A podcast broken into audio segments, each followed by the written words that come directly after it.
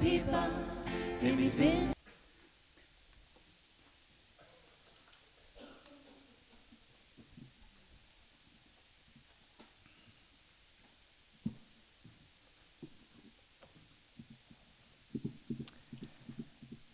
Lad os bede.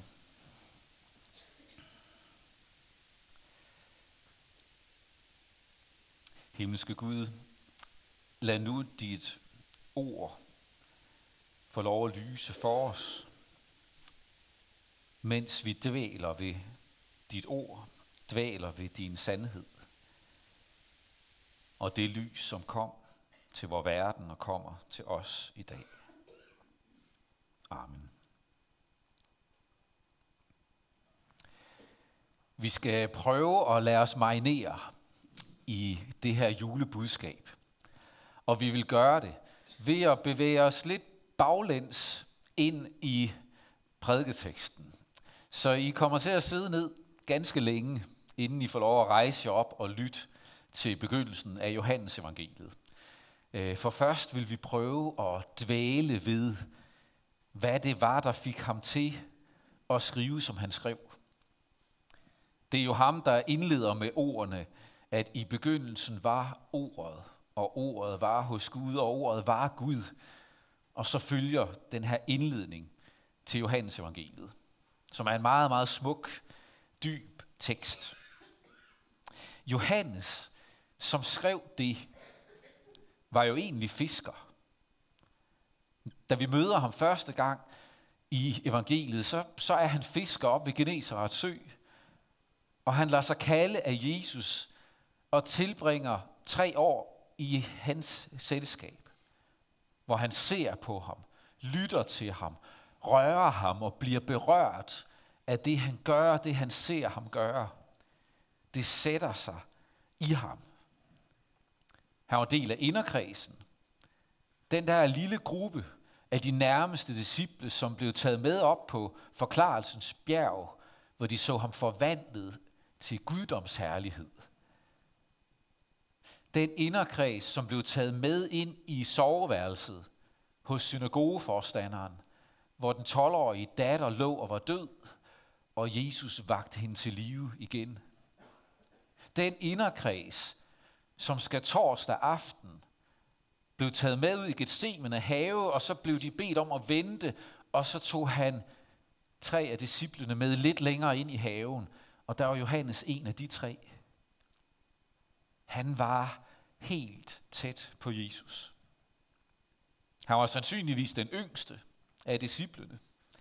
I mange af de gamle sådan, billeder, billeder af ham bliver han afbildet som den disciple uden skæg, fordi at han vist nok var den yngste.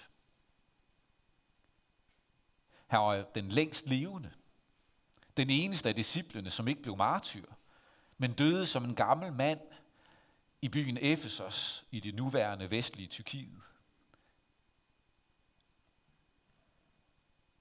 I løbet af det lange liv, fra at være en ung fisker, som bliver kaldet til at følge Jesus, går med ham tæt på ham i tre år, og til han dør som en gammel mand, der bliver fiskeren på en eller anden måde til filosof.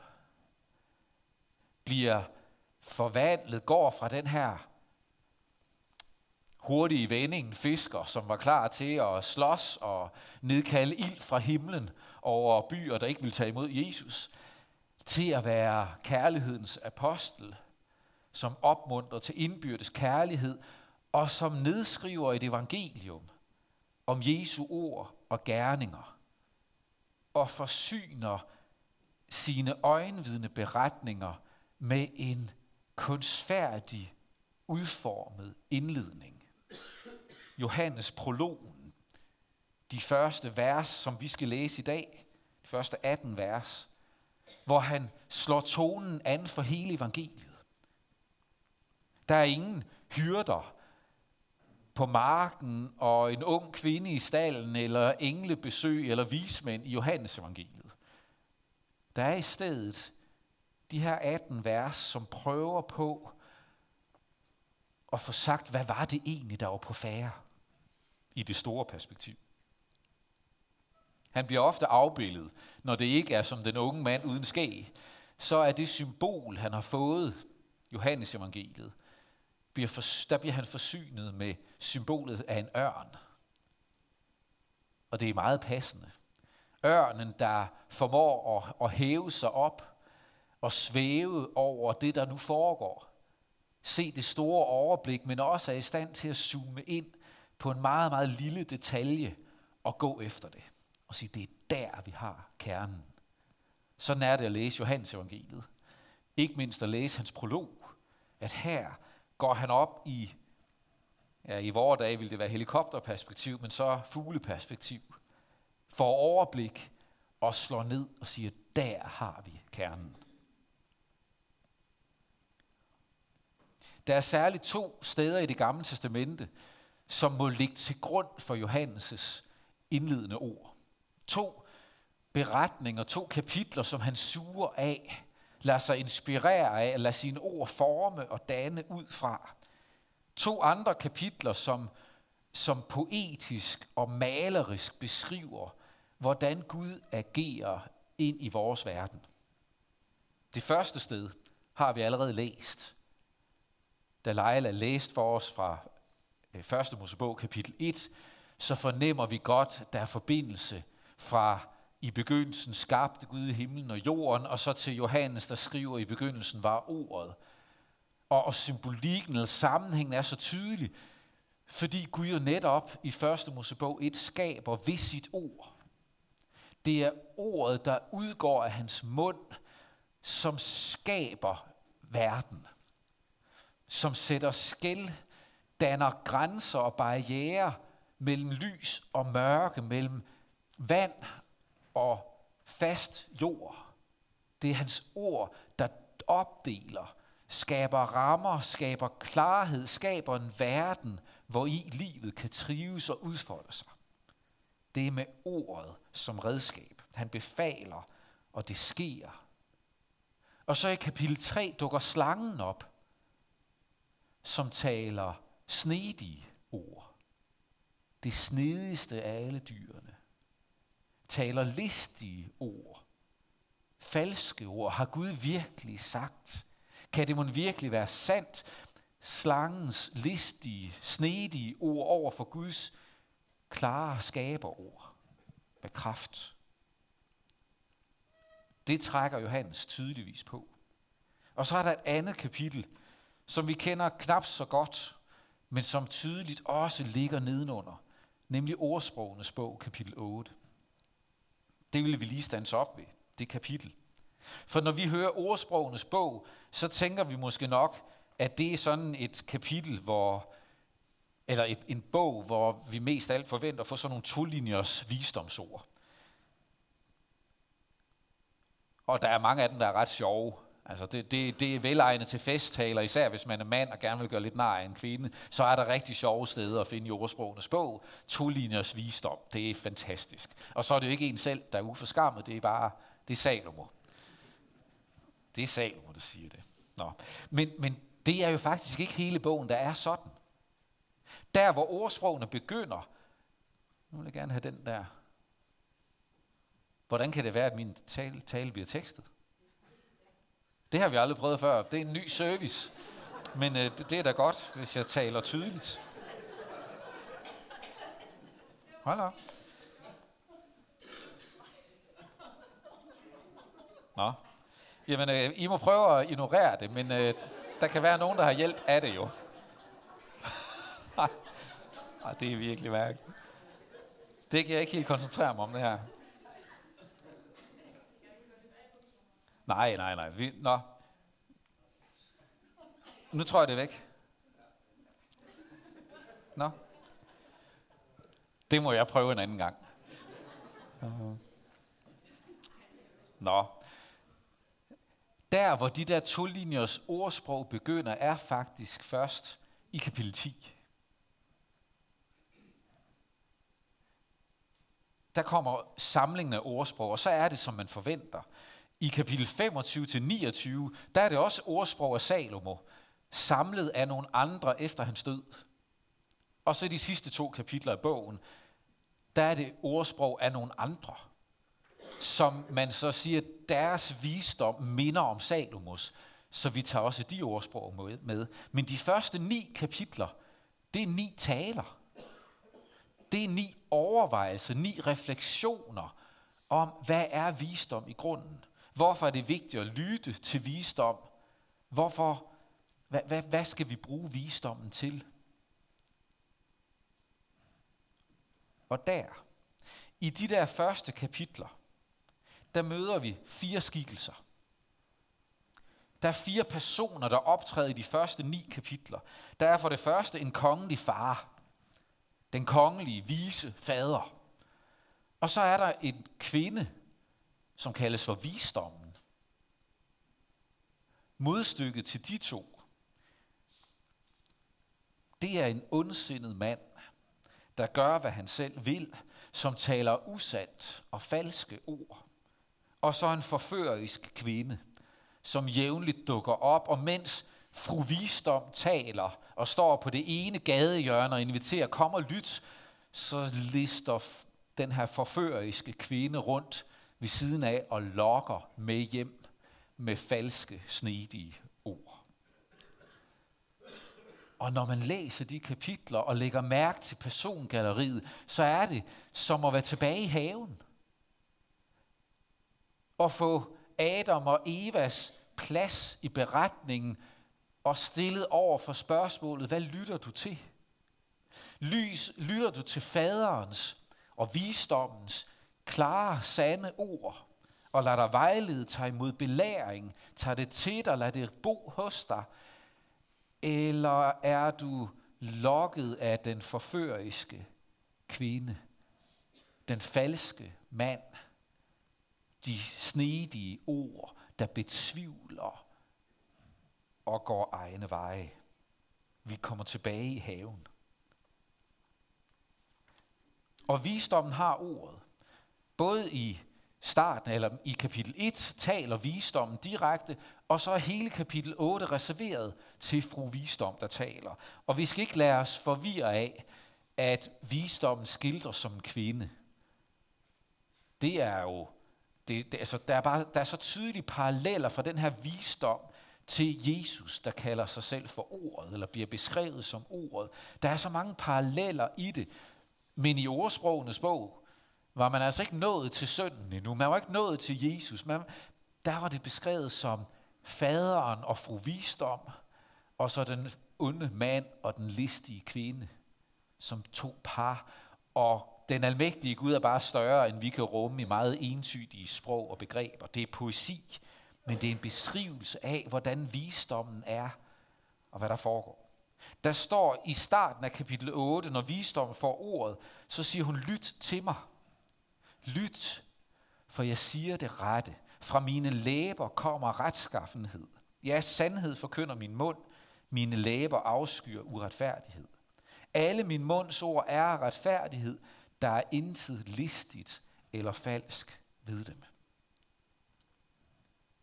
Visdom bringer sit CV og forklarer i de næste linjer, siger, I skal tage og lytte til mig, fordi der, hvor det går godt, der er det faktisk fordi, at mennesker lytter til mig, om de så ved det eller ej. Hun siger, ved mig hersker konger og fyrster fastsætter, hvad ret er. Det der ord med at fastsætte, det er det samme ord på hebraisk, som i første Mosebog 1, når Gud sætter skæld mellem lys og mørke, mellem nat og dag. Når Gud sætter skæld fast, sætter en grænse for havet og siger her til og ikke længere. Det er det samme ord. Visdommen sætter grænser. Visdommen deler op, så det bliver tydeligt, hvad der er godt, hvad der er ondt, hvad der er værd at følge, hvad, der, hvad man må tage afstand fra. Visdommen skaber orden, skaber noget, der fungerer, er sundt og godt fuldstændig som skaber ordet, skabte orden i urkaoset i 1. Mosebog kapitel 1. På den måde siger visdommen, jeg er til stede. Guds skaber ord, Guds visdom er til stede i jeres dagligdag. Der, hvor I handler ret. Der, hvor I handler i overensstemmelse med livets sandhed så handler I efter Guds visdom. For det er Guds visdom, der skaber gode rammer og skaber det, som fungerer. Om I så henviser til ham eller ej, for Guds visdom er indvævet i skaberværket. Og så kommer kapitel 8, vers 22-30, eller 31, hvor visdommen siger, som begyndelsen på sine handlinger skabte Herren mig, som det første af sine værker dengang. Fra evighed er jeg dannet, fra begyndelsen, før jorden blev til. Jeg blev født, før strømmene var til, før der var vandrige kilder. Da bjergene endnu ikke var sat ned, forud for højene blev jeg født, før han skabte landjorden og markerne og de første støvkorn i verden. Da han grundfæstede himlen, var jeg der allerede. Da han lagde jordens flade fast på urdybet. Da han samlede skyerne deroppe. Da han lod urdybets kilder strømme, Da han satte en grænse for havet, så vandet ikke kunne overtræde hans befaling. Da han lagde jordens grundvolde fast, var jeg ved hans side som hans fortrolige. Jeg var til glæde for ham dag efter dag. Jeg dansede foran ham hele tiden. Jeg dansede på hans hvide jord og glædede mig over menneskene. Jeg var der allerede. Jeg var til stede. Visdommen var der. Gud, jeg var født. Gud fødte mig før verden blev til, og jeg var der allerede. Jeg var ved hans side som hans fortrolige. I, i Bibelen på hverdagsdansk er det oversat, at jeg var ved hans side som hans arkitekt. Fordi det var den visdom, som Gud byggede med. Det var den der, det der ord, den visdom, som sætter gode grænser, som skaber, skaber levedygtige forhold, som skaber det gode liv, det ordentlige, det rene, det retfærdige, det sande. Det er arkitekten, der er til stede. Og det siges her om visdommen. Visdommen taler, er født, var til stede.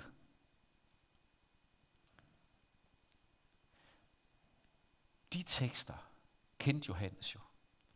De tekster har han gået med, fra han begyndte at kende Jesus og så ham handle, og til han nedskrev sine ord og nedskrev beretningen om ham og ville forsyne det med et forord. Inspireret af de gamle skrifter og Helligåndens arbejde i sig, så skriver han om ordet, om visdommen, om Guds arkitekt, om ham, som skabte verden dengang så vidunderligt, og nu kommer til stede hos os. Og så er vi klar. Meget bagvendt. Lang indflyvning. Men måske er vi nu marineret. Så vi har lyttet sammen med Johannes til, hvad han kendte fra de gamle skrifter, til at sige, det her, det er Jesus. Det er visdommen. Det er Guds skaberord, der nu bliver menneske. Og jeg synes bare, I skal blive siddende og bare lytte og lade det trænge ind. For så skriver han, i begyndelsen var ordet. Ordet var hos Gud, og ordet var Gud. Han var i begyndelsen hos Gud. Alt blev til ved ham, og uden ham blev intet til af det, som er. I ham var liv, og livet var menneskers lys. Og lyset skinner i mørket, og mørket greb det ikke. Der kom et menneske, udsendt af Gud. Hans navn var Johannes. Han kom for at aflægge vidnesbyrd. Han skulle vidne om lyset, for at alle skulle komme til tro ved ham. Selv var han ikke lyset, men han skulle vidne om lyset. Lyset. Det sande lys, som oplyser et hvert menneske, var ved at komme til verden. Han var i verden, og verden var blevet til ved ham, og verden kendte ham ikke. Han kom til sit eget, og hans egne tog ikke imod ham. Men alle dem, der tog imod ham, gav han ret til at blive Guds børn, dem, der tror på hans navn. De er ikke født af blod, ikke af kødsvilje, ikke af mandsvilje, men af Gud. Og ordet blev kød og tog bolig blandt os, og vi så hans herlighed en herlighed, som den enborgne har den fra faderen, fuld af noget og sandhed.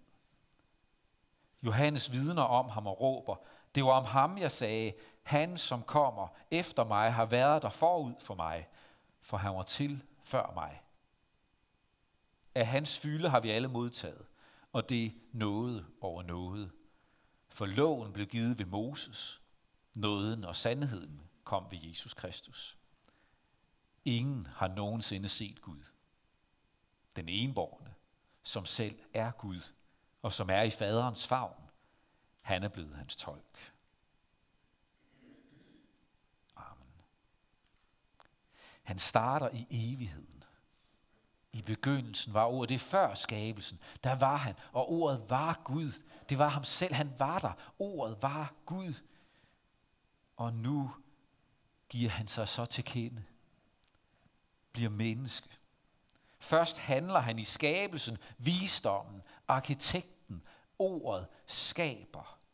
Og så kommer han til os, at det ord bliver kød. Kommer incarna i kød. Han kom ikke incognito, som den ukendte Gud. Ham vi kunne gætte på, ham vi kunne prøve at regne ud. Han var ikke incognito. Han kom inkarna. Han kom i kød og blod, kom som et menneske, så vi måtte lære ham at kende og vise os Guds herlighed, som den enborgne har fra faderen. Det der ord med den enborgne, det, det er et ord, man ikke hører andre steder end i kirken. Jeg har aldrig hørt det andre steder. Altså, men vi tror på ham, den enborgne. Og således elskede Gud verden, at han sendte sin søn, den enborgne. Jeg har til tider hørt det forklaret som, at det var den eneste fødte. Og så bliver spørgsmålet, havde han andre? En mere rigtig oversættelse, men det er, det er altid svært at ændre oversættelser af noget, som ligger så dybt forankret i vores sprog. Men en mere naturlig oversættelse vil være den eneste af sin slags. Hans søn, den eneste af sin slags. Der er ingen andre som ham, for han er den søn, han er den, der blev formet, dannet, født af faderen før alle tider. Han er den eneste af sin slags, og der er ingen som han. C.S. Lewis han skriver om det med at være født af faderen. At det er så afgørende for os, at han er født. I ordsprogenes bog siges der både dannet og formet, men også født. Og det udstråler sådan, at stederne i Bibelen, at det er der, man lander på, når man skal forklare, hvem er Jesus. Han er ham, der er født af faderen før alle tider. Overgår vores forstand. C.S. Lewis skriver det med et ældre ord som at afle. Og siger, det at afle betyder at blive far til, mens at skabe er at lave et eller andet. Og forskellen er denne, når man avler noget, avler man noget, der er væsen, ligner en selv. Et menneske avler spædbørn. En bæver avler små bæver. Og fugle avler æg, der bliver små fugle. Men når man skaber, laver man noget, der er anderledes af væsen end en selv. En fugl laver en rede. En bæver laver en dæmning. En mand laver for eksempel en statue. Og hvis han er tilstrækkeligt dygtig billedhugger, kan han måske lave en statue, der i meget høj grad ligner et menneske. Men det ligner kun. Den kan ikke trække vejret eller tænke. Den er ikke levende. Og det må vi gøre os klart. Det Gud avler er Gud, ligesom det mennesker avler er menneske. Det Gud skaber er ikke Gud, ligesom det menneske skaber ikke er menneske. Vi er på mange måder Gud lig, skabt i hans billede, men vi er ikke af væsen som ham. Vi er snarere som statuer eller billeder. At Jesus er født af faderen før alle tider. At han er det her ord, som var der fra begyndelsen. Betyder, at Gud ikke bare sender noget, der minder om ham, men noget, der bærer Guds eget væsen og derfor kan vise os Guds herlighed, Guds eget væsen, kommet til os. Det er julens under, at der ikke bare kom noget, der lignede. Vi er skabt i Guds lighed, men Jesus bærer hans sande væsen. Og er hans tolk for os. Oversætter ham ind i vores verden, så vores hverdagsliv må være gennemvedet af hans sandhed. Ikke en Gud på afstand, men en Gud, der kom i kød og blod. Det er det sande lys, der lyser for os. Og inden vi beder sammen, så har jeg bedt vores musikere i dag om at synge en sang for os. En sang om håb, om lys, og om det lys, som skinner ind i det mørke, som så let kan gribe os. For det sande lys, det kom til verden. Og mørket var ikke i stand til at gribe det, æde det, opsluge det, kvæle det. Nej, lyset skinner også i dag. Værsgo.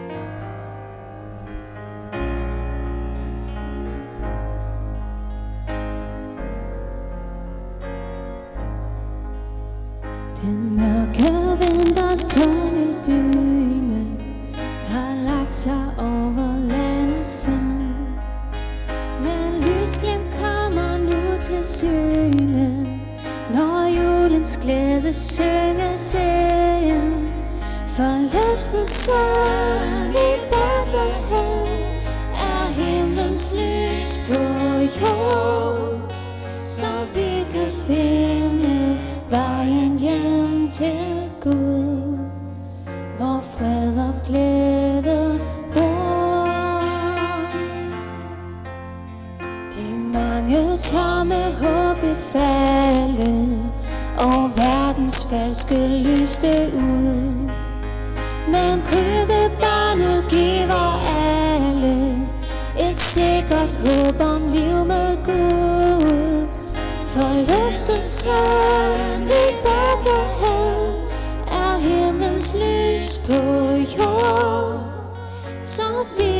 vi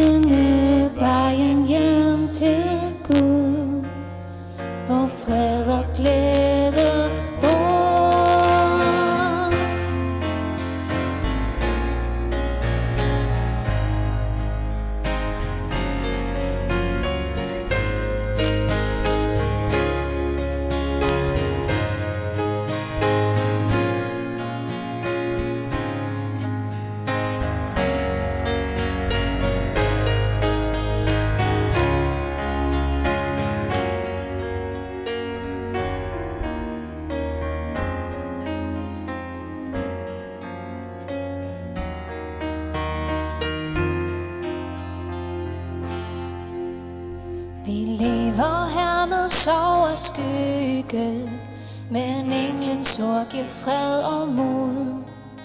Når mørket truer, er vi trygge, fordi han kom i kød og blod. For løftet sand i Bethlehem er himlens lys på jord, så vi kan finde